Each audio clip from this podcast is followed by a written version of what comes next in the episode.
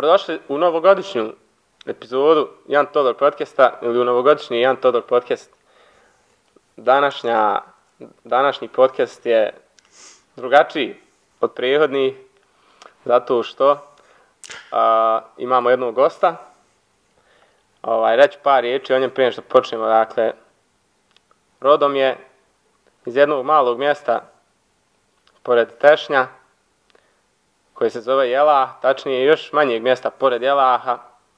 Uglavnom, ovaj, dječko, jel, koji, svi, koji, koji sva ostala mladež htio da se bavi ovaj, nečim nesvakidašnim privuklom u pažnju, ovaj, tad još neka davni, 2007. i 2008. jel tako?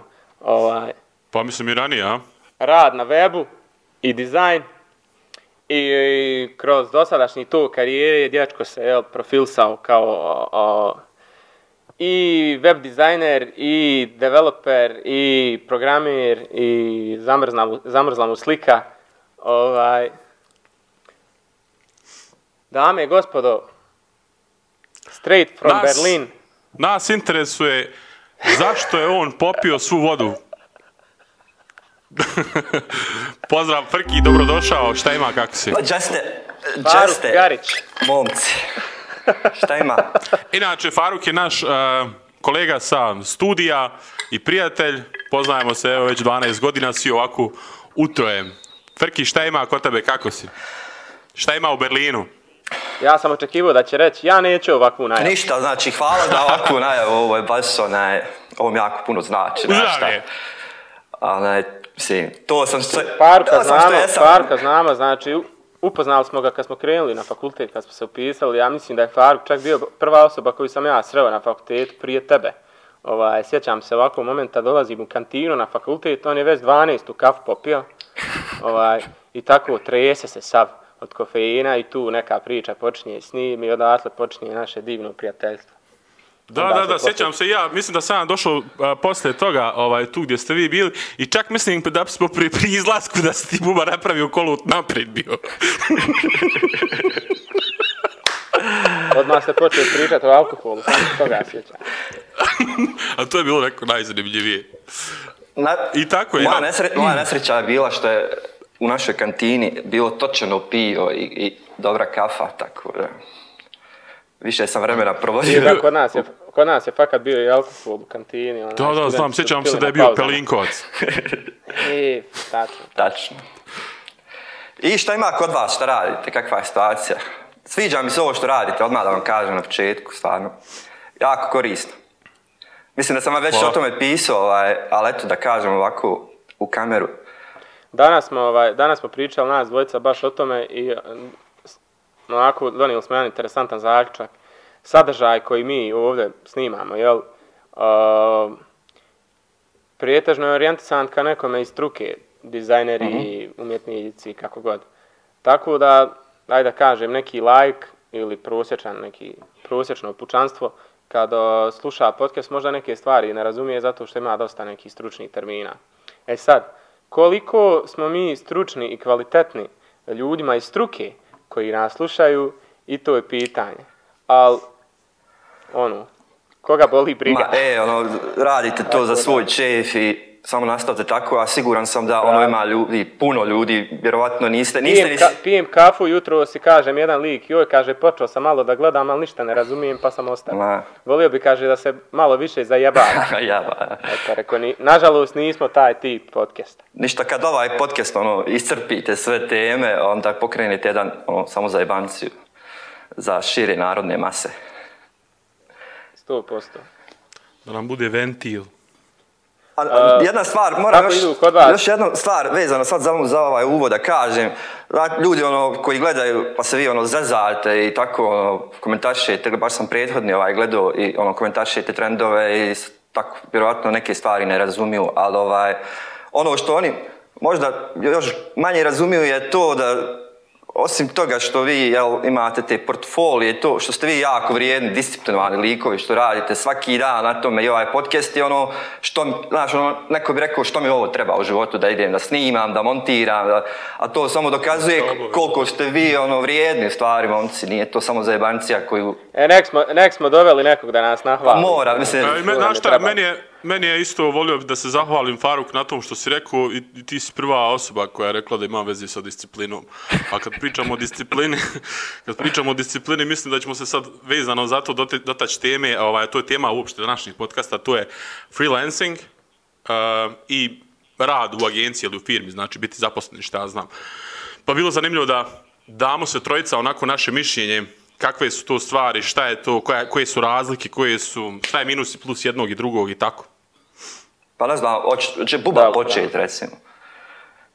Pa nije, ja sam evo ovako htio tebe da pitam u dosadašnjem, ajde, tog karijeri. Koji ti je omjer iz projekata koje si radio, freelance, recimo, i, i, i omjer tvog angažmana? tvog angažmana ovaj, u, u kompaniji nekoj. Pa, Ako mi razumiješ. Ono, kontam, samo što ono, ja mislim da je... Možeš po godinama, možeš po godinama reći ti pa ono, prvi pet godina radio sam freelance. Pa pola, onda pola, ja pet radio. godina ono, kako sam napustio faks, ovaj, pet godina sam radio kao freelancer i sad zadnjih pet godina radim uh, u, u, firmi. Ali što ne znači da ono, tu i tamo ne odradim neki freelance projekat ono, koji mi izazovan, koji mi se sviđa. Tako da ono, baš pola, pola. Da. Ali što se tiče toga, mislim, ono, freelancing rad u firmi, ono, dosta zavisi od kakav si ti posobe i to, ono, šta ti više paše, ono, sve ima i prednosti mane, ono, mislim, pričat ćemo o tome, ono, vjerovatno, ali, ono, na tome se bazira, ja ne mogu reći za sebe, recimo, da, ono, da mi se sviđa, ne znam, rad u firmi više nego freelancing, a u freelancingu, recimo, nisam dobar, jer, ono, nisam, ono, samo disciplinovan u smislu da, ono, mogu sjeti, 8-9 sati, šta znam, i to, tako da ono... Da, moraš sebi, mora, moraš sebi neku strukturu da napraviš, da. A, a niko te ne kontroliše osim sebe sam. Da, sami. da. Da, i to tako je ono zahtjevno. Tako da je to najveći problem. Najveći je problem sam sebe iskontrolisati. A opet u firmi kad radiš, Lako osjeća je... se da si, ono, razumiješ, rob, da, moraš rati, ono, šta ti drugi servira, iako je glupo, iako nema smisla, znači, ono, jedno i drugo ima svoje... Ne, ne... Opale ljudi po džepu, opale, da, pa da. ja, razumiješ to, to. Ma pa da, ali u suštini, i u freelancingu ti si onaj, ti radiš nešto što neko drugi treba i što hoće, znaš, samo što imaš više te neke kreativne slobode, da.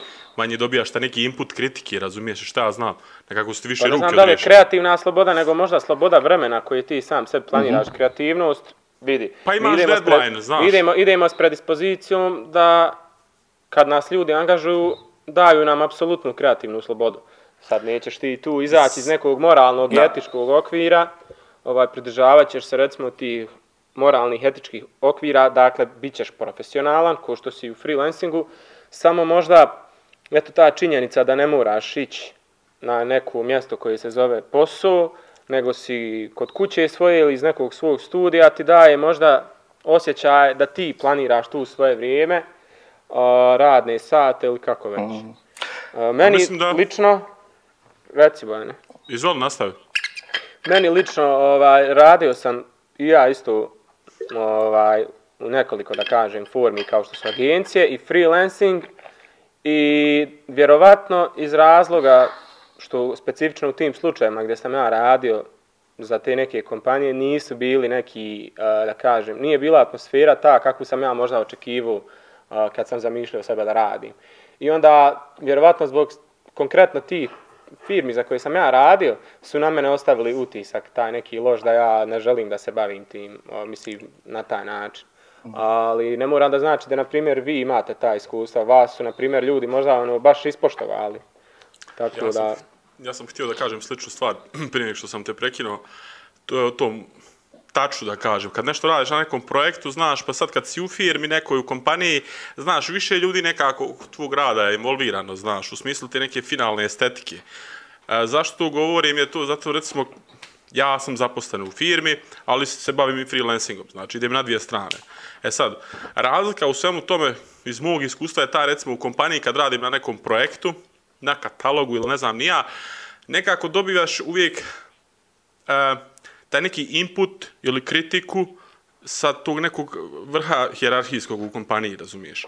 Oni se upli, upliću u tu neku, razumiješ, estetiku. I to je ono što se meni u tom segmentu ne sviđa, mm. znaš. A sviđa mi se, recimo, ta struktura odnosa prema poslu, kad si zaposlen.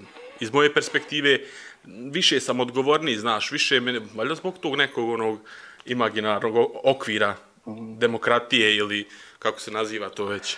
A vamo u ovom freelancingu nekako, to je stvar personalna, više je samo ono, Ima kreativ nisam. Ima demokratije, mislim, nije demokratije, mislim da kažeš, ovoga. poslovnog okruženja. Da, da, da, da, da, da.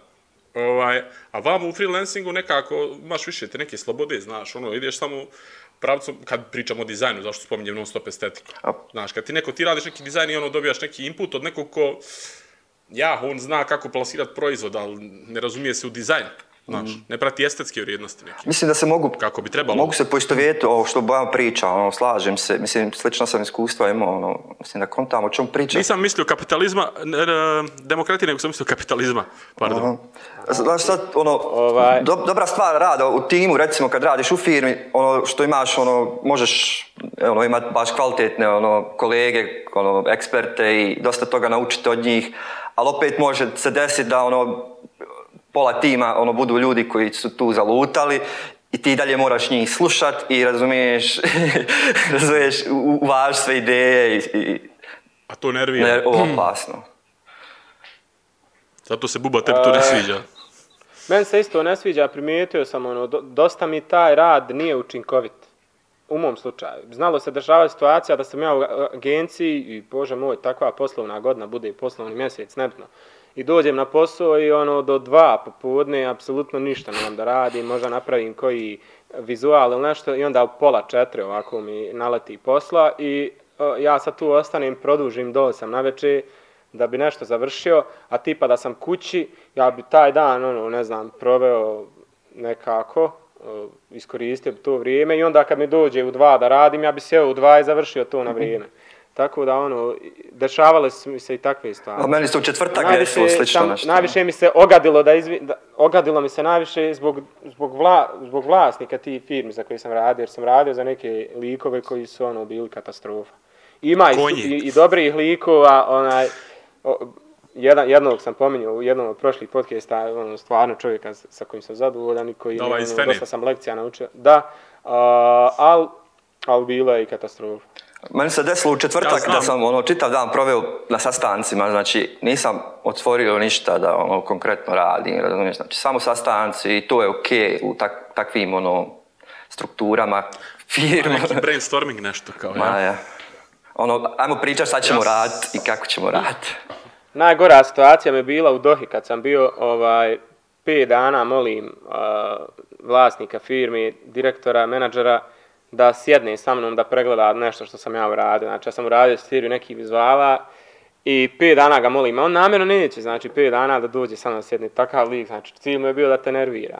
I onaj, 5 dana neće da dođe sjedne sa mnom i nakon 5 dana ja ga na kraju namolio da dođe sjedne za mnom na kompjuter, on ide ovako, mislim, dolazim iz kontra strane, znači ne vidi uopšte moj montar i govori meni, I'm coming, but I don't like it already, znaš, kao već mi se ne sviđa. I dođe sjede pored mene, diže noge na i sad ja tu moram, znaš, da, da, da svoje neke, da svoj ego stavim na stranu, da sve svoje emocije stavim na stranu, da ja tu jednom debilu, ono, pokažem svoju umjetnost koji on niti cijeni, niti šta došlo tu mene da zafrkava, razumiješ. Mislim, i Faruk imao priliku da sarađuje s tim tipom, znao kojem mhm. pričam, mm -hmm. ono, katastrofa. A možda te uči handlingu u biznisu. A možda njeg treba nabiti šamarom. Možda, da, može ovako, biti ga, tu. Šaku mi tu, tu riješ problem. Boksom. iz države. Kako bi dobio Ovo... Ovaj. boks u Bosni? ja znam samo da većinu stvari koji sam radio u kompaniji, ovaj, procent, nisim, nije procentualno, nego uh, vrlo malo stvari koje sam radi za kompaniju, u kompaniji odnosno mogu da stavim u svoj portfolio, baš zbog tog upličanja neke estetike. Ma to uopšte ne spominjem, ono, spominjem kad ono, apliciram za novu firmu, ja, ono, novi, novi posao, ono, spominjem to što sam radio kroz firme. A ne spominjem freelancinga, freelancing mi je ono nešto moje. I sad, ono, iako radim u firmi, ono, za platu, puno radno vrijeme i sve to, ono, radim neke stvari za svoju dušu, neke projekte, ono, nešto što mene interesuje, nešto što ono, upola mogu reći delete all, razumiješ, hajmo iz početka. Ono, A šta radiš ti konkretno? Mislim, da li si ti programer, developer, koja je razlika tu, šta je to? A, stari, to je... A, ono, zanimljivo, znači, neko ko je studirao Akademiju umjetnosti, ono, trenutno ima titul Senior Software Engineer. Aha. Znači, radim razvoj softvera, ono, u suštini, uglavnom, backend, server side, ovi jezici, pišem kod i tako donosi neke, ono, o, arhitektonske odluke kad je u pitanju razvoj softvera i to. Znači, programiraš, ajmo reći, motor neke aplikacije. Da. Ono, en, ono kad klikneš, šta ono, se desi u pozadini. funkciju, da, funkciju, da. znači, tog programa ti programiraš. Aha, aha. Znači, Imaš li konkretan primjer da nam onaj da nam kažeš neki projekat, ne moraš nam reći klijenta, nego ono recimo, kažeš nam šta si radio zadnji, interesantno ovako. Pa u trenutno u ovoj firmi, ono što radim, e, je ono pravo zanimljivo. U suštini, naša firma je tehnološka firma koja je u sferi transportnog biznisa, koja povezuje firme koje trebaju transport i transportna preduzeća. I mi smo razvili tu platformu, uh, to je kao web stranca gdje se ti možeš ono, registrovati, prijaviti kao transportna firma ili kao firma koja treba transport. I uh, firme koje trebaju transport objave šta imaju, ne znam koliko paleta, čega. I onda transportne firme tu bidaju, razumiješ, ko ponudi manje, ovi ih uzmu i tako. U suštini mi se tu gradimo između, to je to biznis model. A prije toga, a prije, prije, prije toga si radio u nekoj, jel, uh firmi koja je šta je radila, prethodne, održavala... Da, prethodne dvije godine sam bio u marketingu i to mi je bilo ono ludo iskustvo ono, i zanimljivo pravo, ali to sam shvatio da to volim, razumiješ, i onda da mogu otići na posao i ono rad do, ne znam, 4-5 i doći kući ono da ne razmišljam, razumiješ. I to me pravo ono crpilo, ono, evo emotivno, ne znam, ono, baš me crpilo, dođeš kući, ne možeš ono, prestati razmišljati jer si naložen, voliš to, razumiješ da ti je ono, da unaprijediš sve što možeš naprijediti i tako dalje. I onda sam odlučio, ok, ovo ću raditi ono, za svoju dušu, a moram otići ono, naći nešto što također volim, ali gdje ono, mogu podvući crtu i reći kraj radnog vremena, neću da mislim više o tome. Tako da sam ono, odlučio da se vratim u taj software svijet.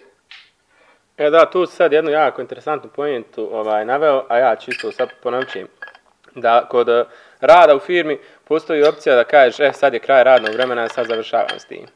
A ja mislim kad si freelancer da to ne postoji, ne postoji. znači.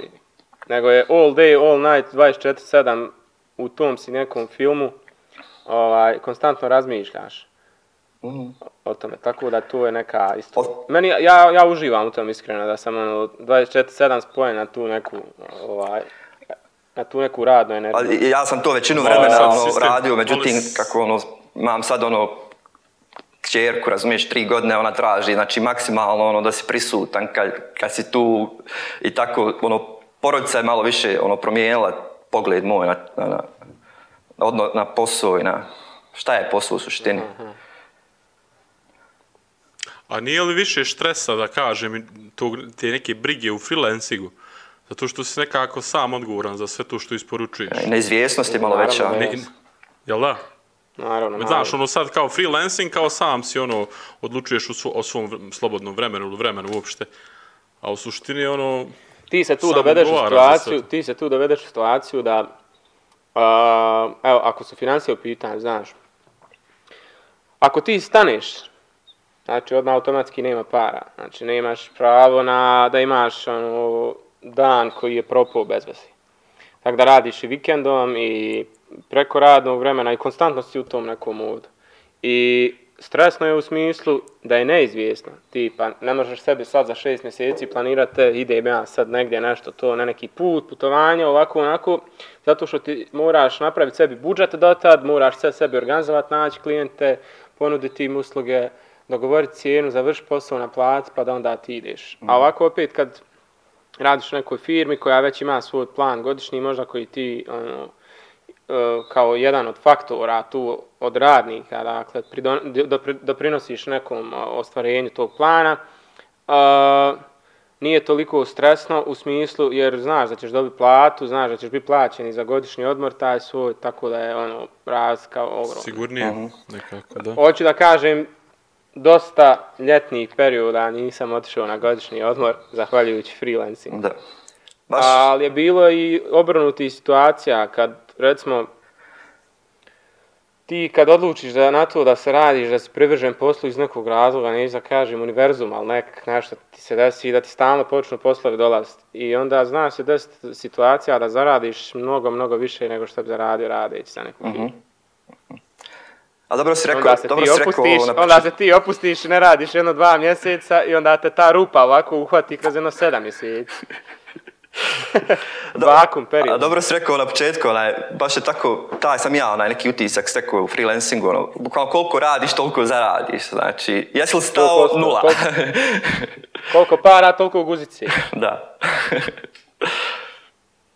ja, u freelancingu isto možeš stvoriti takvu atmosferu, da ti u suštini nema nikakve razlike da radi u firmi ili to što radiš za sebe kad mislim stvoriš te neki long term dugoročni ugovor s nekim firmom ti mi isporučuješ non stop to faktički Ubit, dođe na isto može. Mm -hmm. može.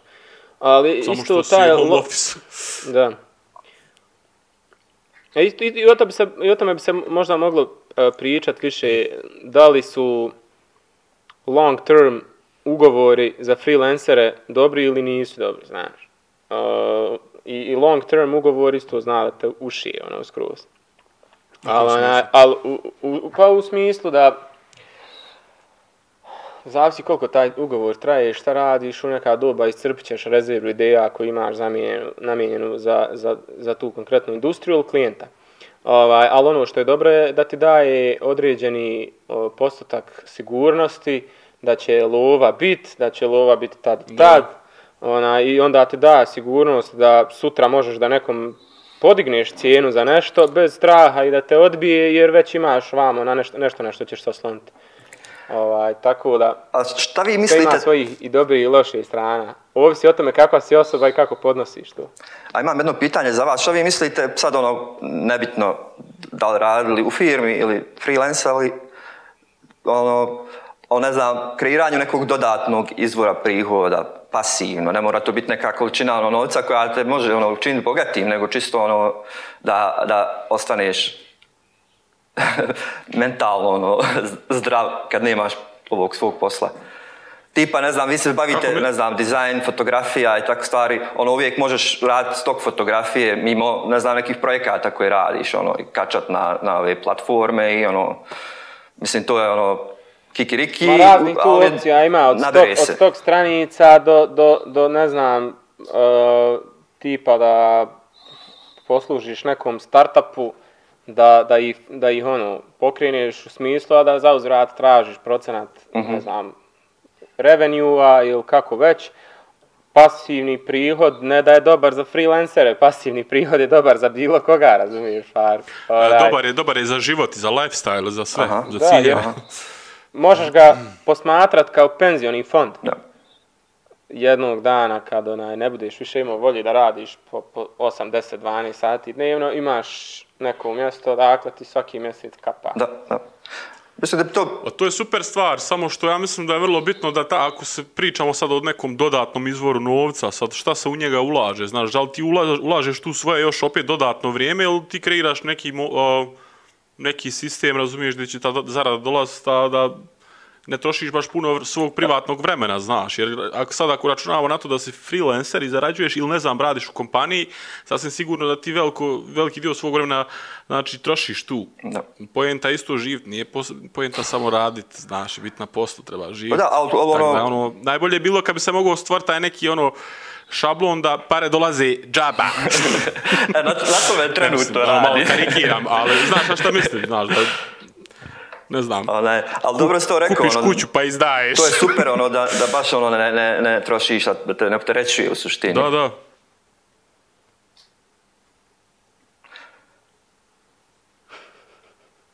Me. uh, eh, da mi reci Faruk, ovaj, prije nego što si počeo sad radi za tu drugu firmu, ja znam da si mi govorio da si radio u nekoj kompaniji koja je proizvodila content za YouTube. E, da. To sam te ostao dužan. Koja je tu bila? Uh... Mislim, ajde ovako da te pitam. Ajde ovako da te pitam. Da. Po završetku studija, ovaj, jel, tvoj put je nekako bio, vrtio se tu lokalno, regionalno i onda se ispalio za Njemačku. Jel možeš ono, kratko se osvrnuti na to kako je to sve prošlo? U kratkim crtama mi objasni postanak svemira. Može. Inače sam ja poznat što mogu ono, kratko jasno objasniti stvari, sročiti. ovaj, pa ništa, kad sam odlučio ono, da, da napustim faks, ono, bilo sam moment ono, sve ili ništa, šta sad. I to, i onda sam, ne znam, tad pokrenuo neki projekat, neka škola web dizajna, bla, bla, bla. One, I tu sam vidio ono, da uh, da, kao ono, stekao sam utisak da ono može se dole, da ima nade, da se, mo, znaš, može, ono, samo treba imati ideje, biti vrijedan i tako. I onda sam vrtio se, ono, rekao sam već pet godina, i klijenti uh, kao firme i ne znam, razvrazne udruženja i pojedinci i tako dalje, ono, bukvalno radio sam web sajtove, tu i tamo neki dizajn, ali ono, sve manje i manje. Uh, I imao sam tako nekih uh, hajmo reći, freelance uh, angažmana, ali ono, moraš biti prisutan, ono, sjediš kod kuće, ali moraš biti prisutan kao ono, rad od kuće. A u suštini, ono, nisam imao ugovor, stalno zaposlenje za firme ti, iz Hrvatske i Srbije. Ono, bile angažmani po šest mjeseci, po tri mjeseca, po projektu i tako dalje. Ovaj, i to je već kao što ste ranije spomenuli, ono, nepredvidivo i ne možete garantovati ono, stabilan prihod. Uh, ovaj, i onda sam tako spletom nekih okolnosti uh, došao u Njemačku da radim ono, za jednu firmu kao software developer i šlini, ono, preuzeo sam jedan tim koji sam, ono, koji, gdje smo nakon dvije godine razvijali tu aplikaciju. Onaj, I to je, ne znam, ukratko, najkraće, ono, mislim da sam, imam jedan video na, na mom kanalu, možeš staviti to, pa nek ljudi ono ko će detaljnije dva sata ne gledaju cijeli taj put. ovaj, I sad da ti odgovorim za ovu firmu, uh, ako, ako imaš još nešto ono, da, da sam zaboravio reći, onaj, pitaj, vezano za taj freelancing, ali ova content firma, prošlu i ovu godinu sam tu radio, uh, tu sam ono, totalno progledao kad je u pitanju uh, online marketing, content e, marketing. Uh, ono, otvorilo mi se ono, u glavi, ne znam, neke sobe, neki ne, ne, ne, neistraženi neki dijelovi. Ona, I tu sam shvatio koliko je moguće proizvodnjom kontenta uh, e, monetizirati bez da imaš klijente u suštini. Da ti proizvodiš kontent uh, ono, agresivnije, uh, na Facebooku, na YouTubeu, na web strancama i da da imaš monetizaciju od oglasa, od afilijeta, od tako tih stvari, ono, i u suštini ti samo treba da se brineš o svom community, audijensu, da im, ajmo reći, na neki način ugađaš, da im da im dostaviš kvalitet, neki, neku vrijednost, da li je to zabava, da li je to e, edukativno, ili... Uh...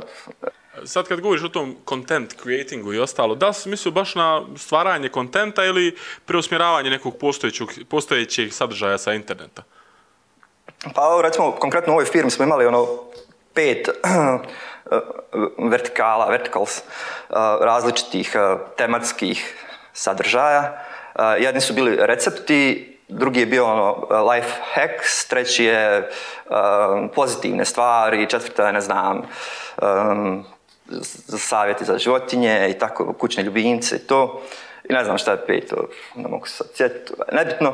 Uglavnom, recimo, recepti su najzanimljiviji primjer, ono, mislim, vidio si milion stvari tipa tasty, tipa, ono, uh, ti fazoni, gdje razvijaš uh, neki recept, i snimiš to, edituješ malo to ono zanimljivo i to objaviš recimo na Facebook page, nakon ne znam koliko, isto kao na YouTube, nakon t, ne znam, deset hiljada lajkova, lupam, sad nisam siguran, ti imaš pravo na monetizaciju. Svaki video koji je duži od tri uh, minute uh, dobija oglas tokom, uh, uh, kak se kaže, uh, emitovanja. Tokom prijenosa, emitovanja. Da. Ovaj, uh, I tako na, nakon tri minute pojavi se taj oglas ili dobiješ više oglasa, zavisi koliki ti je uh, community. Znači, Bojana, Bojana je otprilike zanimalo da li ste vi lično snimali taj content ili ste uzimali gotov, tako da ti kažeš uh, da e, ste vi snimali, imali ste znači studio, vjerovatno. Da, ima taj... četiri studija sa ne znam koliko ono, e, video editora, kamermana, rasvjeti, fotografa, majstor svjetla, ne znam, cijeli ono, tim mladih kreativnih ljudi koji su ono ludi ono koji mi da ono otkačeni kreativni su u tom nekom smislu ono baš je lijepo bilo ovaj sad kad govoriš o tom, znači bio je uključen cijeli taj neki tim, znaš, u to, da. u, kreaciju tog kontenta i šta ja znam, a današnja tema je, znači, odnos taj neki freelancing i rad u kompaniji. Sad kad govorim o tom eh, kreiranju sadržaja na internetu, š, da li može i da li ono, da li je moguće kreirati takve sadržaje, biti u toj priči, a u suštini biti freelancer, ne biti dio nekog tima? Pa, da li možeš ti kao individualac ne, takvim se stvarima baviti? Kad sam spomenuo pasivni prihod, mislio sam malo na to, ona je pao mhm. sad super što smo spojili. Uh, mislim da je to moguće, ja ono, kad sam vidio ono, šta je moguće, neke sam stvari naravno znao, ko što i vi znate, ono, neke stvari oglasi to, ali kad sam vidio koliko je moguće, uh, odlučio sam mimo sad posla da se bavim da razvijam neke freelance ono, stvari, projekte koji će mi vremenom postati neki pasivni prihod. Tako da ono, savjetujem svakom ko se bavi nekim kreativnim radom koji je u mogućnosti da proizvede neki content. Mm-hmm. Uh, mislim, ja sam s Bubom pisao skoro na tu temu.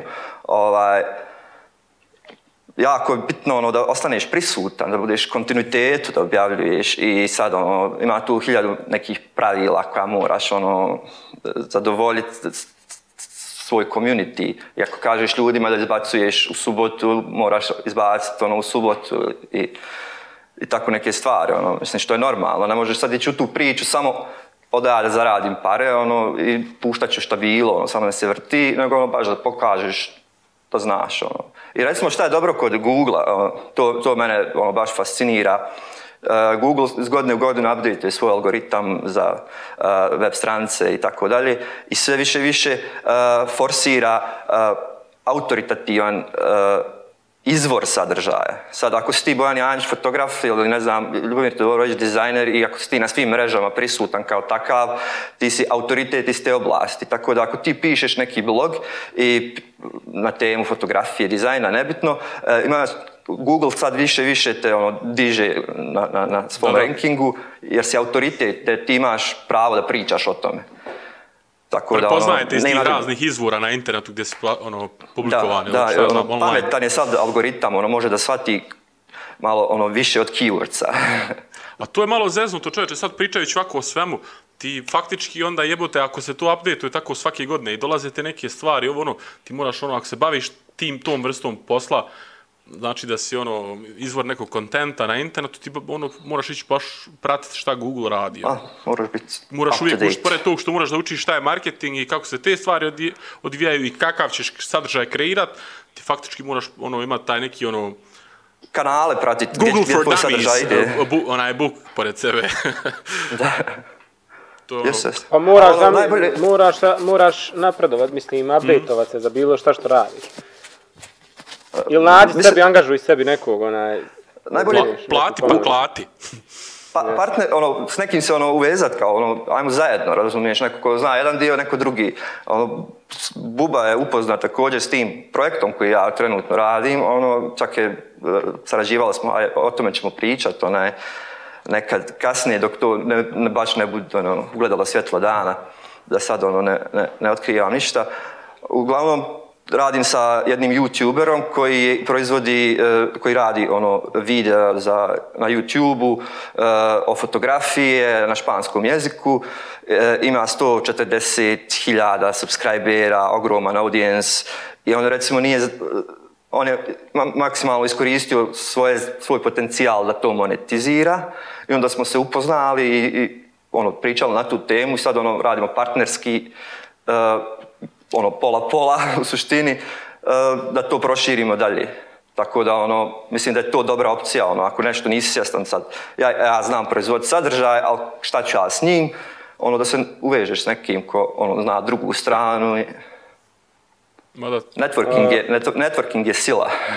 Dobar odgovor na ono, isto to u suštini odgovor i na ono što sam te pitao, ovaj, freelancing sa radom kompanije, znaš da li ti kao individualac freelancer možeš da se baviš tom vrstom posla kao što se rekao, moguće. Znači, samo treba naći prave ljude.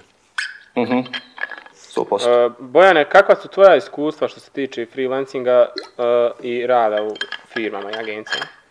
A pa kako misliš, ko, široka je tu tema, ne znam sad, dakle, šta bi ti komentari su? Pa ovo je odlična, odlična prilika da pričamo o tome, tako da počni odakle hoćeš. Pa bavio sam uh, se, recimo, samo freelancingom, danas se bavim freelancingom, ali sam i zaposlen, ono, koji je odnos? Odnos je taj da freelancingom možda rati više para, kao prvo, a naravno moraš da radiš isto puno, ali govorimo o većoj, razumiješ, sumi novca, nije džaba, ono, zaposlenje, kao takvo, znaš, neko ti kupuje tvoje vrijeme i radi, rad, ti radiš ono što trebaš da radiš, ali kad pričamo o freelancingu, u kreativnom smislu bolje mi to sjedi, znaš, leži po pitanju dizajna i šta ja znam, kreativniji sam kad imam odriješene ruke i kad, znaš, ne... Je to zbog pritiska koji imaš? Niko. Ha? Je to možda zbog pritiska koji imaš, ono, da moraš to završiti? Pa to je stvar, ono, psihologije neke, znaš, pošto sam po, prilo, po prirodi ovako nedisciplinovan, znaš, i kad mi tako nešto pritisne, onda pritisne isto i moj, moj taj neki creative field, znaš. Aha, onda mi aha. to ono malo, znaš, kosi sve tu. Sad će Buba citirati Sigmunda Freuda. Ne, ne on, on, on voli, voli Junga. Nego, nego samo me onaj, zanima, mislim, i, i u freelancingu si pritisnuo ti nekim deadline-ima, znam. Pa u freelancingu i kažem, ne, ne, dok u firmi ja nisam, razumiješ. Evo, evo zašto to govorim. Govorim to iz razloga, recimo, u kompaniji gdje radim i sad radim uh, dizajn uh, naslovne strane za godišnji katalog, znaš. Sad ja imam ideju, evo sad recimo konkretno, sad nadam se da šefovi ne gledaju i da gledaju ne razumiju ovo. ovaj, imam ideju, znači jasnu u glavi, znači kako ona mora, ne kako bi trebalo, ne kako mora ta tema da izgleda, znaš. Ja pričam o tom sada. Ja ono dobijam, razumije, dobijam odgovor, znaš, da to a okej okay, je to, ali mi, mislim da mi trebali ovako, a to što sam ja čuo, to totalno nema veze s sezom, razumiješ, to dolazi od neke osobe koja apsolutno nema veze za, nema, nije, ne dolazi uopšte iz odjela za dizajn ili za marketing, ili šta ja znam, to su samo neki lični, kao, znaš, ono, mm -hmm, i mhm, onda ti to mhm. izbije i onda ne ide to u tom smjeru kako ti zamišljaš i onda to i ne bude ni taj kvalitet, znaš, jer... ja imam presik, jednu anegdotu, presik, koja, jednu, jednu anegdotu koja je tako slična, situaciji. Mislim to... da se polaže više kreativne slobode kad freelancerom nego uposlenom u odjelu recimo za dizajn. Govorimo non stop o dizajnu. Mhm. Šta si ti ti pa, reći? anegdota. Pa ne, hoće da, hoće da se, hoće da se na ovu osvrnim. Uh, isto sad treba razmišljati ako govorimo o kreativnoj slobodi kao freelancera, jel? Uh, tebe ako angažuje neka kompanija na osnovu toga što te zna ka, ko si i šta radiš, vjerovatno te baš i angažuje zbog te tvoje kreativnosti. Uh, rad u agenciji, mislim, agencija dobije posao na osnovu svog kredibiliteta, liste klinata, portfolija, tako dalje. I onda, znaš, i tu imaš taj neki vizualni jezik kojim komunicira agencija, ti se sad moraš kao dizajner uklopiti u taj vizualni jezik. Ipak ideš ispred jedne ekipe, ono, nisi individua, nego ideš ispred ekipe. A zanimljivo, anegdotu imam a, vezanu, sad nadovezao bi se na da, da, ali samo da se, samo da dodam portiri. još jednu, da dodam samo jednu stvar. Jedno je kad imaš, kad imaš kompaniju koja ima tim dizajnera, a drugo je kad imaš kompaniju koja ima samo jednog dizajnera. Ja govorim o ovom drugom, jer ja sam jedini dizajner u kompaniji. Znaš, onda dobijaš input od nekog koji je iz računovodstva za primjer. Pa, uh, a glavni je? Firma, firma za koju ti radiš nije um, tipična firma koju, koju komentarišemo kad kažemo agencija, znaš. Tvoja firma je specifična firma, tako uh mhm. -huh. da možda se i, i ne odnosi toliko na tebe. Ovaj, pa ja ovaj, sam, pa odnosi se na, na, na marketing odjela, ja sam marketing odjel. Razumiješ? Da. A, ja Koji sam, dobije ja input sam... iz računovodstva. Od portira. Ja. A dobro, ne treba, hajde tu sad biti zloban. A, ima tu ovako zanimljivih stvari. Bil, deslam se jednom situacija da smo na sastanku prezentovali pa jednu nis, kampanju. Nije to ovaj, da smo prezentovali jednu kampanju i, i u okviru te kampanje bio je sat ovaj veker na, na, na navijanje. I kaže ovaj jedan tu poslije sastanka, jel može umjesto, a cijela kampanja je zasnovana na, na tom satu vekeru, na, na, naš naj sat stari, na navijanje sa zvonim. Da, da. I ovaj, kaže ovaj, ja može li umjesto vekera da ide digitalni sat? Onaj kao, naš crni pljosnik. Ma rekao, ne ima smisla, razumiješ, mi na ovom satu kao nastali oči, ruke, znaš što se kreću, digitalni sat nema veze s tim. Ja kad sam bio mali, me je otac udario kada je tim satom u glavu, ja kada je njega ne volim nikako. Dobar. E ti sad Svi mi imamo se, svoje traume. Što, što neko ima traume tu.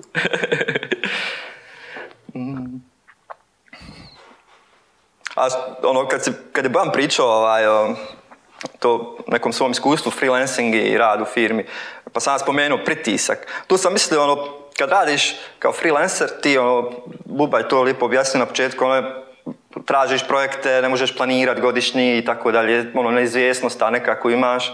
Dok recimo u firmi, ono, ne znam, pogotovo u tim nekim korporativnim okruženjima, ono, imaš roadmap, plan za cijelu godinu. Taj ono, kvartal ćemo, cilj nam je to da uradimo, taj kvartal. Ti ono, imaš plan i to radiš i ako sjedneš malo, ono, zapneš, odraćeš prije vremena, uglavnom, ono, imaš tu neku slobodu u smislu priti vremena. Nikad nećeš isplanirati nešto što ne možeš uraditi. Onaj, tako da, ono, nemaš pritiska. I sada tu razmišljam ono, o kreativnosti kao freelancer. Možda si kreativan zato što ono, da ti da završiš to, ono, projekat što prije, da, da ono, naplatiš to Pare. i jer, jer ti se možda javio već neki novi klijent koji ne može čekat, pa ćeš ti ono, ono, raditi noć i dan i sve da stigneš, to je ono, pod tim pritiskom naravno neka će ono, često se meni bar dešava ono, da pod pritiskom najbolje neke ideje ono, ne oklijevam previše kad ono, donosim odluke, da li ranije dok sam radio dizajn ili sad ono, u web razvoju. Ono, ne oklijevaš puno, nego ono, nam padne ti nešto dobro, idem s tim, idem do kraja i kraj priče. Uh, A kad imaš slobodu, recimo kao u firmi, pa danas jedno misliš, sutra već drugo, pa pročitao si neki članak, pa je promijenilo mišljenje i tako. Na tu sam, taj pritisak sam mislio. Ja sam dobro shvatio, ti govoriš da imaš više presinga tog u firmi ili šta? Ne, ne, ne, freelancingu. I da taj pressing te me čini, činio me ranije ono, kreativnijim u smislu da sam ono, nekako bolja rješenja izbacio. Mm -hmm. Šta pa ja znam, meni se dešava situacija, ono, imam uh, zadatak, neki treba nešto da radim i sad kompletan najteži dio posla mi se u glavi odvija. Ovaj, sklapaju se forme, ne znam, ako je pitanje neki branding, dizajn, u glavi mi se sklapaju forme. Znam, na, na, na u situaciji, kući sam, ono, na trosjedu izvalio se i, i samo gledam u plafon i i to je, vjeruj mi, ono, da mogu naplatiti te radne sate, to bi bilo odlično. Ovaj. I onda mm. poslije mhm. samo bukvalno sjednem i to prenesem. Dok recimo, taj, taj, taj oblik moje izvaljenosti na trosjedu eh, i uh, slobode ne bi bio nikako aplikativan u nekom mm. radnom okruženju profesionalne firme, jel? Ali dobro, prilagodiš se, ono. Kažem, samo da poredim jedne, jednu situaciju ono, koja je i previše česta u mom životu da se nađem tako u nekom lazy položaju u kojem razmišljam o formama grafičkim koje treba da se sklopi eventualno. A, sve ove nove tehnologije ono, i ovaj posao koji je, ono, ne znam, prije 30 godina nije postojalo svi ovi poslovi, ono, u smislu da sjediš za računarom i da promišljaš, da razmišljaš, da nešto praviš.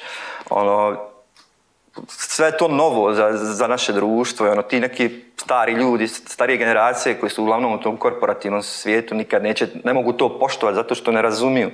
Ne, ne zna još hendlat tinkere, da, da, ti kad ležiš na kauču da ti radiš u suštini, ali ne znam. Ono. Mislim da ćemo ono, vremenom doći do nekog ono, boljeg e, stadija kad je u pitanju koliko se cijene ljudi koji promišljaju, koji ono, a ne ljudi koji ono sjede i pišu kod ili ne znam e, slažu tamo u Photoshopu ili nešto. Mislim, prije toga ono cijeli proces prođe u glavi, ono, i kod programiranja i kod dizajna pogotovo. E, kad bi mogli da, da, da ono, neko vam prisloni pištolj u glavu da birate između freelancinga i rada u agenciji, šta bi odabrali? Freelancing. Freelancing. Ja bih isto odabrao freelancinga pod uslovom da imam ili menadžera ili agenta. koji će raditi taj posao, ovaj...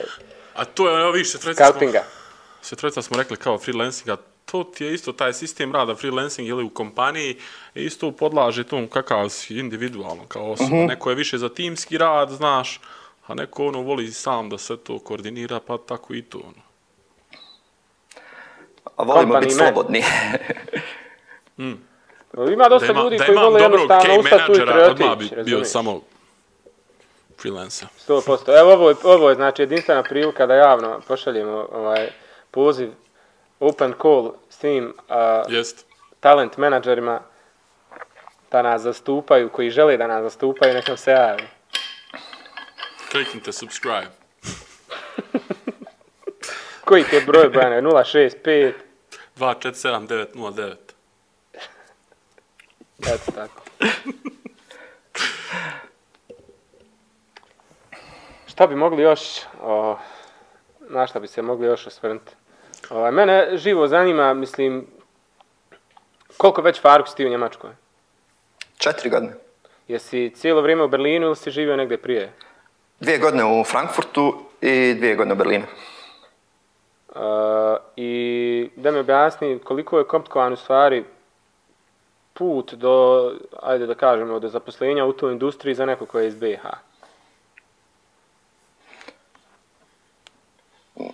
Nebitno odakle si, ono, sasvim u Njemačkoj koliko sam ja shvatio, bar tak, takvo, takva sam ja iskustva imao, sasvim im nebitno odakle si, si li iz Bosne ili si li iz Džibutija, oni ono, pregledaj tvoj CV, daju ti testni dodatak, odradiš, znaš, ne znaš, primijeti.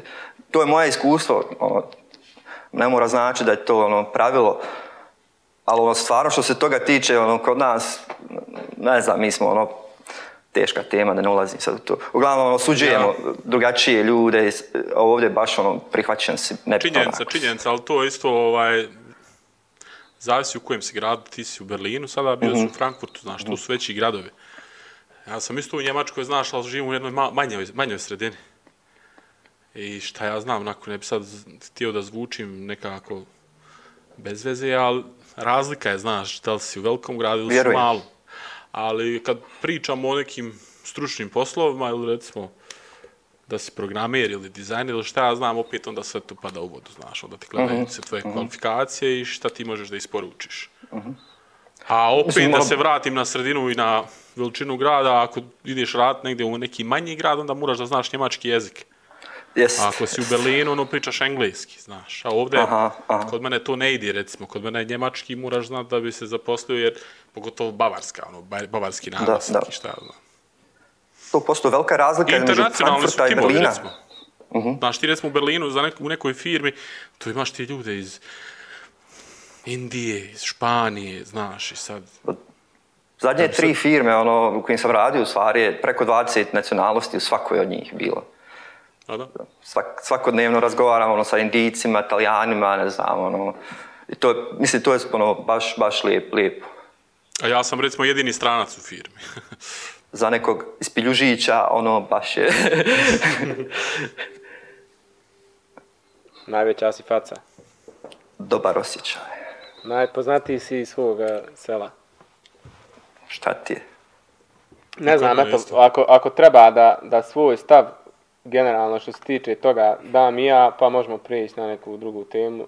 Meni je freelancing onako uh, dosta zanimljiv što se tiče te neke slobode i kontrolisanja vremena, da kažem, radim kad ja hoću.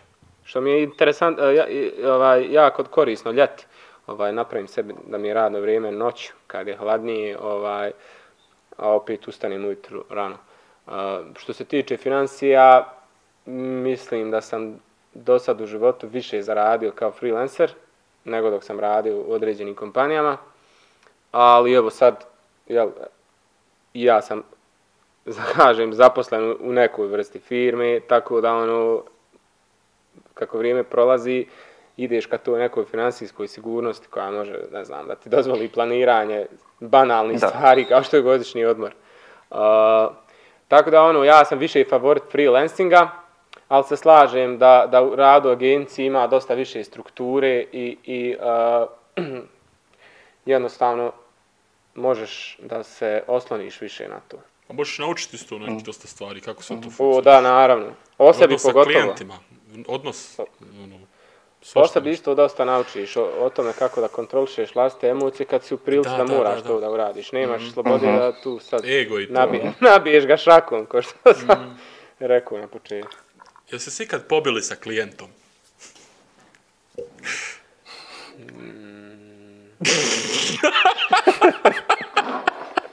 Koji tajac? Kušan da se sjeti. Ma, nemam šta, nisam, ono, znam da nisam. Ono, znate mene, nisam, ja, znate mene. Ono. Ja sam generalno razmišljio, bilo neki žustri svađa ovako na temu, ne možemo da se dogovorimo oko ideje, ili neće da plati na vreme, ili tako neki situacija je bilo. Bilo je, ono, napeto. Znalo se desiti. Svega. Kad smo se mi zadnji put vidjeli? Mm. Da to nije bilo... Uh, 2015. u Doboju. Bio i koja s nama, Ta, Tad sam tebe, ja i koji zadnji put vidio, ali Buba je bio, ja mislim, kod mene nešto dolazio je na, na rastoke prije par godina. Ja sam zadnji put, mislim da sam zadnji put s tobom, a, došao sam ti kući. Sjedli kod mene ispred. Da, sjedli kod tebe ispred kuće, a to je bilo prije možda jedno 3-4 godine. Aha, Čekaj, Frki, kad se ti oženio? prije 8 godina. 8 godina. Iz... Aha. I znaš kad sam bio kod tebe, pa kad smo se vidjeli zadnji put? Zadnji put smo se vidjeli kad sam crto uh, mural u Jelahu, onaj, onih izvrnutih džepova. Nemam, nemam. Bravo, deče. Jes, jes. Tad, yes. e, tad smo se zadnji put vidjeli. Pratimo ja, mi tvoj rad. E, hvala, momci, super. Ovaj, divni ste. Šta bi ja bez vas? E, tad smo se zadnji put vidjeli. A što me pitaš, što, što si pitao to pitanje? Onako, bez veze ili? Pa, mislim, ono, ni, dugo se nismo vidjeli. Mislim, Bojana, stvarno nisam dugo vidio. A s tobom pa... sam se viđao, ono, i tad kad smo se vidjeli, prije toga smo se vidjeli, a mislim, pa ima kad, smo ra, kad smo HIF-u radili, tako nešto. Ono. Ja, e, to pa dobro, znaš dalje. kako teško je jebote, znaš, ti si dalje od mene, nego što sam ja dalje od Bosne. Znači, čuda, ja, jeste, stvarno, ti si, ti si bliže Bojane meni nego, nego što je Faruk pa tebi tu. Ja imam 770 km do Teslića. Ja i ti, ono, ja ne znam koliko ima. Dobro, Berlin, ja... Pa, Hamburg tako je prilike. Isto tako je prilike. to nešto, ja mislim, a? Ja mislim da je pasao ono na pola puta meni do mm. Bosne. Mm. Tako da, ono, i to je isto, znaš, ti kad ideš na godišnji, ja kad idem, da smo dole skupa, ono, u isto vrijeme, vjerovatno bi nekako logistiku odradili da se vidimo, ali malo je to komplikovano. Ali dobro, čujemo se. E, mogu vam ja ovako jedno postaviti pitanje, možda je ono, kliše i stereotip, ali vjerujem da mnogi očekuju od nas to da kažem. A ako bi imali a, da neki savjet da date mladim dizajnerima u pogledu rada, između rada freelance rada i rada u agenciji, da li bi mogli da, da date neki savjet? A, e, da li, Moj savjet nešto? je da ne? prvo ono, krenu raditi u nekoj agenciji, da pokupite neko iskustvo i malo baš ono što smo prije par minuta spomenuli, znaš, da malo vidi neke stvari, pa da onda se odluči za taj freelancing. Da ispeku znaš. zanat. Pa ne znam sad da bi to mogu tako da nazovem, ali da steknu nekog iskustva agencijskog rada. Mislim da ne bi bilo na odmet. Može im mm. samo korist, razumiješ. Jer Mislim ti, da se ja recimo, kad radiš u nekoj agenciji, ti isto imaš direktan odnos sa klijentom. Znaš, taj neki feedback i onda učiš kroz to, znaš, i tu komunikaciju mm -hmm. sa njima i što smo isto spomenuli te neke potiskiva, potiskivanje ličnih emocija po pitanju tih nekih stvari. A freelancing, naravno da je to preporuka broj jedan, zato što se može zaraditi više para. A, i, isto kroz rad u agenciji, ako možda prljavo zvuči, e, možeš pokupiti dosta nekih klijenata ili doći do klijenata nekih drugih. Što ti ono, dok izgradiš malo tu neku svoju karijeru, radom u agenciji, može poslije onaj, poslužiti dosta dobro. Mene se desila situacija, recimo, bio sam jednom na razgovor za posao u Beogradu, u ovoj McCann agenciji, i ne znam da li znate Marko Prokić, onaj dizajner, ko je. Uh, ja ulazim u kancelariju, on sjedi tu i sad ja bi trebao jel, da počnem da radim na njegovom radnom mjestu. Pitam njega što ti prestaješ da radiš, kaže, ne želim više da radim u agenciji, radim već 10 godina, hoću, kaže, sad radim freelance, kao, dode mi agenciji. A rekao, okej. Okay. A ja sam već bio tad u tom fazonu, ne želim ni ja da radim, ne znam što sam mm. ovdje došao. Ali teško ovaj. je to, stari moj, znaš, sad et, do, njemu je dosadilo 10 godina rad u agenciji, a recimo uzmi da radiš 10 godina kao freelancer, znaš, da? sad ako si vrijedan i marljiv i radiš non stop, ti sasvim sigurno onda da se i baza klijenata povećava.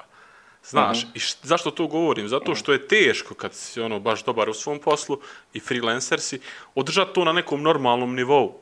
Znaš, jer imaš zahtjeve svojih nekih klijenata koji moraš ispoštovati. Baš ko što moraš ispoštovati svoj audience ako si content creator. I onda ti samim tim, nakon tih deset godina, dolaziš znači u situaciju da moraš da se odlučiš da li ćeš i dalje to potiskivati u obim tog svog posla kojeg isporučuješ ili ćeš prijeći u nešto veće, odnosno da sam kreiraš agenciju za marketing ili šta mm -hmm. ja mhm. znam. I onda to poteže neka na druga pitanja. Tako da ono, ne znam. Ne, ja, ja, sam, ja samo kažem, recimo, zamisli se da si završio tek sad fakultet ili da si završio nešto da. i imaš ograničen broj klijenata. Nije ono problem održavati tu, a, ako posmatramo karijeru i, a, ili, ajde recimo, posao tu, kao, ako posmatramo kao neki točak. Nije ono njega problem a, nastaviti okretat sve dok si ti predan poslu i stalno radiš, aktivan si, izbacuješ i reklamiraš se, drugi te kontaktiraju i to se okreće. Ali jako ga je teško pokrenut, znaš, jako je teško doći od prvog klijenta, drugog, trećeg, četvog, petog, do, do nekog klijenta gdje ti možda budeš zadovoljan financijama. Tako da, onaj, Ako mogu, ja rekao svoje mišljenje, onaj, samo... Pa, možeš samo da završim ja sa svojim. Uh, Izvin. tako da, rad u agenciji ti može omogućiti uslove u kojima se ti možeš približiti nekim strankama, približiti nekom klijentu na način da poslije recimo mogu te i, i e, nezavisno mimo kompanije zvat da uh mhm. -huh. sarađujete na nekim projektima, onda odatle ti ubereš drugog, trećeg, četvrtog, petog i to se izgradi. Uh, tako da u, u tom smislu je isto jako korisno početi sa radom u agenciji, pa onda ti poslije se prebaci na taj freelancer. Yes. Ova godina je protekla, već kako je protekla, tvrti ti radiš od kuće već duže vrijeme, jel? Skoro godinu cijelo, A Bojan ide na posao tu i tamo jedno vrijeme i radi od kuće. A, nekako su jeli te agencije bile prinuđene onaj, da, da, da sa radnicima rade remote, pa, pa su ono, jel, nije vam se sviđao freelance, e sad ćete svi rad freelance bile u sezon tačku. I ajde, izgurali smo godinu, kako smo izgurali. A, Još ćemo kakvi su, vam, kakvi su vam planovi za, za, za sljedeću godinu, šta očekujete? ovaj, imate li neka očekivanja, kako ste se postavili prema tome što, što dolazi u narednom periodu, kakve su vam ambicije, planovi? Ne znam, moji doli u 2020. godini svi su onaj, umrli od Kobe Bryanta, ne znam, Šabana, Sinana, Džeja. Tako da, od ono, Šemsa ono, je živa. I nas, dvoj, I nas dvojica Faruk vidi nas, znači... Ja, ono, mislim, Bože zdravlja, ostalo će doći. Ne znam, ono, stvarno, Bože ne zdravlja i želi posla. A volio bi, znaš, da se situacija u normali. Jer mislim da ovo nije dobro za zdravlje ljudi, generalno, pored tog virusa. Nego mislim o, o tim karantenama i tom promjenu cijele te so, socijalne, razumiješ, socijalne te stvari. Ljudi, ba, ne vole ovo, nije ovo dobro baš. Znaš, pa mentalo će biti se bavljeno. Socijalni kontakti fale, razumiješ, i to se osjeti. Meni fali neka ovako ono, putovanja što su mogla se desi, te neke saradnje, kolaboracije o, koje bi mogla se postignu s tim nekim putovanjem. A, a i dosta ljudi, pro, u jednom od emisija smo pričali, Bojane, a, mislim da si ti govorio za, za, za firme s kojima se rađuješ sad u trenutnoj firmi, kako ljudi, strah je, stra, strah ih je da, da investiraju, da troše novac, strah je jednostavno da uvažu bilo šta a, viš, volio da se to nekako reguliše i da imamo i više tog socijalnog kontakta. Ja sam iskreno poželio to. Meni ta vrsta... I ja sam, kažem, tu fali haos. Druženja otvara neke vidike i, i, čini me da budem i više kreativan. Ovaj, i daje mi ljepotu u životu, ne znam kako drugačije da kažem, to je najprostiji način, sretniji sam kad, kad mogu da imam više interakcija s ljudima. Konzum, zbog... Konzumirat ljude, je ono... konzumirat ljude. Fantastiča ljude. da, baš tako, konzumirat ljude. e, to, nam, to nas je i dovelo do ovdje gdje smo sad. a druga stvar, a druga stvar, ono što očekujem i u što sam siguran, to da ovaj podcast oživi. da probi znači, znači, ljudi će, ba, vama treba da je u interesu da ovo potraje, da ljudi ostanu u kući, da im bude toliko ono loše da ono, razumiješ, dođe, pogledaj ovaj podcast sa mnom, razumiješ? Ali, ali, baš si bezobrazan, kaže, prošla, prošao COVID, prošao je Jan Todor podcast, a? E, Oni njega prki mogu da puste i kad legnu u krevet i kad, ako ništa da ih uspava. Ali ono, vi, vi ste htjeli ono, u 2020. godine ono, da e, ono, sve, loše, sve loše stvari ostavite, pa, pa ste mene ono, zvali prije nego što je ova godina istekla. da ste ostane u 2020. Ne znam ni šta smo mi htjeli, ja u stvari ne imam pojma, ali sada pitam Bojana. Jednostavno smo htjeli da snimimo. Znaš, ono ima neka situacija, sjediš s prijateljem, pričaš, ispričate se dva sata i kažeš joj da smo ovo snimali. Imali bi ljudi mm. svašta da gledaju, znaš. E, to je bila pa, neka je... ta ideja. To je ta ideja, jer mi mislimo da smo Super. mi prezanimljivi i sada da vide i drugi ljudi koliko smo mi zanimljivi. Ali sad, e, naša želja za sljedeću godinu je da nas ljudi gledaju grupno, znaš, da se sto ljudi okupi pa da gledaju podcast. Na otvoreno. Na otvoreno. to nam je cilj, ali vidimo. to. A da, zato nam treba pomoć od World Health Organization. Ja, ja, ja bi samo da dodam još na ovo sve da naša tolika, e, naša ta ideja kako smo zanimljivi dok pričamo i kako trebamo to podijeliti sa drugima ovaj, se ispostavila kao ispravna, o čemu svjedoči 140 pregleda na video koji imamo. Ovaj, na zadnjim. Koliko smo zanimljivi. A bi prki, pa da, da. Klima, prki klima glavom, kada pa je dobro. pa jes, brate, jes dobro. Je dobro, tak, jes dobro. To je dobro, e, to je dobro kad ješ onom logikom, nek je živa glava. Znaš, ti, ovo, to je prava vremena da se ovaj jedan isporuči podcast, na kraju da ga, da ima 140 pregleda je katastrofa. Polako, bro, polako, moraš graditi prvo community. Možda smo u nekom od prijehodnih podcasta uvrijedili nekog, ne znam, nisam siguran. Pa nije to, snimili tri epizode, pa onda pauza tri mjeseca. Buba, šta ti očekuješ od 2021. Ma, brate, sve, da budem ja normalan psihički i da mogu da nastavim sa svojim obavezama u životu, a ništa drugo. Eto. Ono, volio bi da se to malo pročepi i da mogu ja ići negdje i da neki ljudi mogu doći ovdje gdje sam ja i to, to. Ona, a što se tiče posla, i ovo sve, meni ova godina bila jako uspješna. Glupo mi reći. Da kucne i mudro. Pa ova, top mi je bilo. Ja sam nekad na početku pandemije bio ono, u fazonu, ja sam freelancer, sad će nam padne posao i onda sam se maksimalno na furo da radim, uduplo sebi radne sate, na kraju nam se ispostavljeno, nisam što to morao da radim. Mm. Tako da ono, ja sam baš zadovoljan kako je proteklo. Ne bi da ureknem ništa, da to će kucne i mudrovo. Ali onaj, ali ono, od sljedeće godine očekujem sve najbolje. Jedva čekam da se završi ovaj zimski period. Nisam inače ljubitelj zime, ne znam da je ona pandemija, nije pandemija, kako god. Više volim nekako proljeće i ljeto, to su moja godišnja doba, kad i, i, i moja kreativnost dosta bolje funkcionše.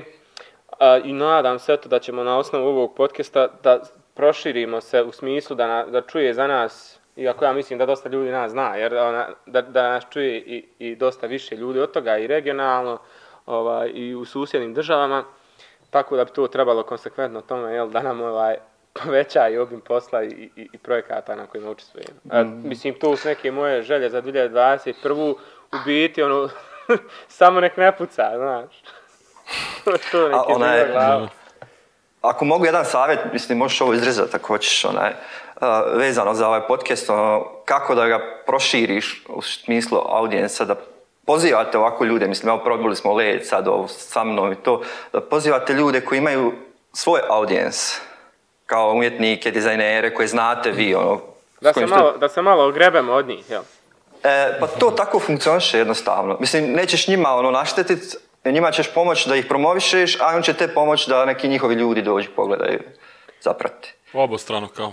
Malo. Još bi pa... bilo još bi bilo bolje da se sretnemo sa tom nekom idejom da ne moramo ono znaš da, da, da neko e, e vučemo za rukav nego da se poklopimo u istom momentu da hoće neko i da sarađuje s nama a i mi da, da da smo dovoljno popularni njima znaš da ih mm. Ali mislim da pa kad neko objavi kad neko ima neki novi rad nešto novo da ispriča ne, ne znam knjigu nebitno ono da prezentuje zoveš ga daš mu priliku da tu s vama da. prokomentariše Jer ja, e, dobili smo komentara, ono, kako je tenčki jako dobro iz epizode, epizode je sve bolje, izgleda jako profesionalno, valjda se ljudima sviđa kako je podcast podijeljen na dva dijela, je lijevo je Bojan, desno sam ja, sad ćemo biti na tri dijela. Onaj, ljudima, je inter, ljudima je interesantno, ljudima iz struke isto interesantno. Onaj, tako da... Super. Ja se nadam svemu najboljem, samo da ostanemo istrajni u ovom što radim. Da se Bojan i ja jedan drugog ne počnemo onaj, zajebavati, tako dalje. Ali znaš šta, ovaj, interesantan je ovaj proces kompletan izrade ovog podcasta. I sa Bojan. Bojan radi na promociji podcasta i na koordinaciji, recimo, plasmana podcasta na različite platforme i slično priprema grafike za, za društvene medije i uh, dok ja recimo radim vamo tenčku stranu, monta, montažu i slično. I, I nekad se desi situacija da ovaj da nešto on meni vrati, traži tipa da, da, da izminim i u tom trenutku kad mi rekne bude mi loše. Znači, to bude loše. Ali onaj, juče se desila interesantna situacija, nešto on meni šalje ja sto puta ovako, njemu to vraćam i onda kontam, isti sam jako i on, razumiješ. Malo. Ali mi je drago što, što imam nekoga s kim sarađujem u smislu da da je investiran u ovo koliko sam ja investiran. Znaš, prati i gleda. Da stalo. pregleda sve, zapiše na papir, javi gdje šta ne valja. Znaš, nije neko ko ono, ajde samo ispričao sam se i boli me briga, oda ja sada na tebi je sve ostalo. Tako da, mm. Bojan je super što se tiče toga. I ti si super, super. A ja sam dobar, ne mora mi niko reći. ja vam želim sve najbolje u 2021. kao i našim gledalcima da bude sve kako treba, da ovo I to, sranje i, prođe. I mi tebe isto, brate, ti si ono super. A da podcast ono, postane viralan. Ono. Također, eto, kad postanemo baš viralni, pozvaćemo te opet u emisiju. Može, može. Neka, onaj, ne, vidiš kako smo, sad smo te pozvali da se ogrebemo od tvoje followere. Sad će svi 12 da prati i nas. Mislim, šerujem ja to od početka, ono, već moja raneka već vas prati, od, jel, znate se s njima svi. Cool. Bilo je ovo super. Koliko smo Prijao mi je raz, razgovor, ovaj, pričali smo, ja sam preko sat vremena. Jer sat ja sam 15 tri... minuta kod mene iz komada. Eto, vidiš. E, bravo. Fakat, Mislim da će jedan dio mog videa da fali zato što sam primijetio da je se ugaslo bilo samo, a stavit ćemo umjesto Nisam tebe saksiju dok, dok bude tatiš. A uzmi stavi tamo nekog tinki vinki. E, mogu da ugasit kameru, ona je, a vi ako hoćete napraviti odjel... Ono nećemo, ono, ne... nećemo da ugasiš kameru, hoćemo samo da se zahvalimo ovako javno dok si tu da možeš prokomentarstva. Ti si meni lično, ali Bojan, vrlo drag i poželili smo te, nadamo se da ćemo te uskoro vidjeti i znači da ćeš da budeš gost i opet neki put i eto hvala ti još jednom, sad možeš ugasiti. Ništa, hvala vam, sve najbolje. Ništa, hvala vam Puta. što ste gledali još jednu emisiju Jan Todor podcasta. Sa nama je danas bio Faru Garić, naš kolega sa fakulteta i prijatelj. Svako dobro i vidimo se sljedeći put. Pozdrav. Pozdrav. Pretplatite se na uh, YouTube-u i na ostalim platformama.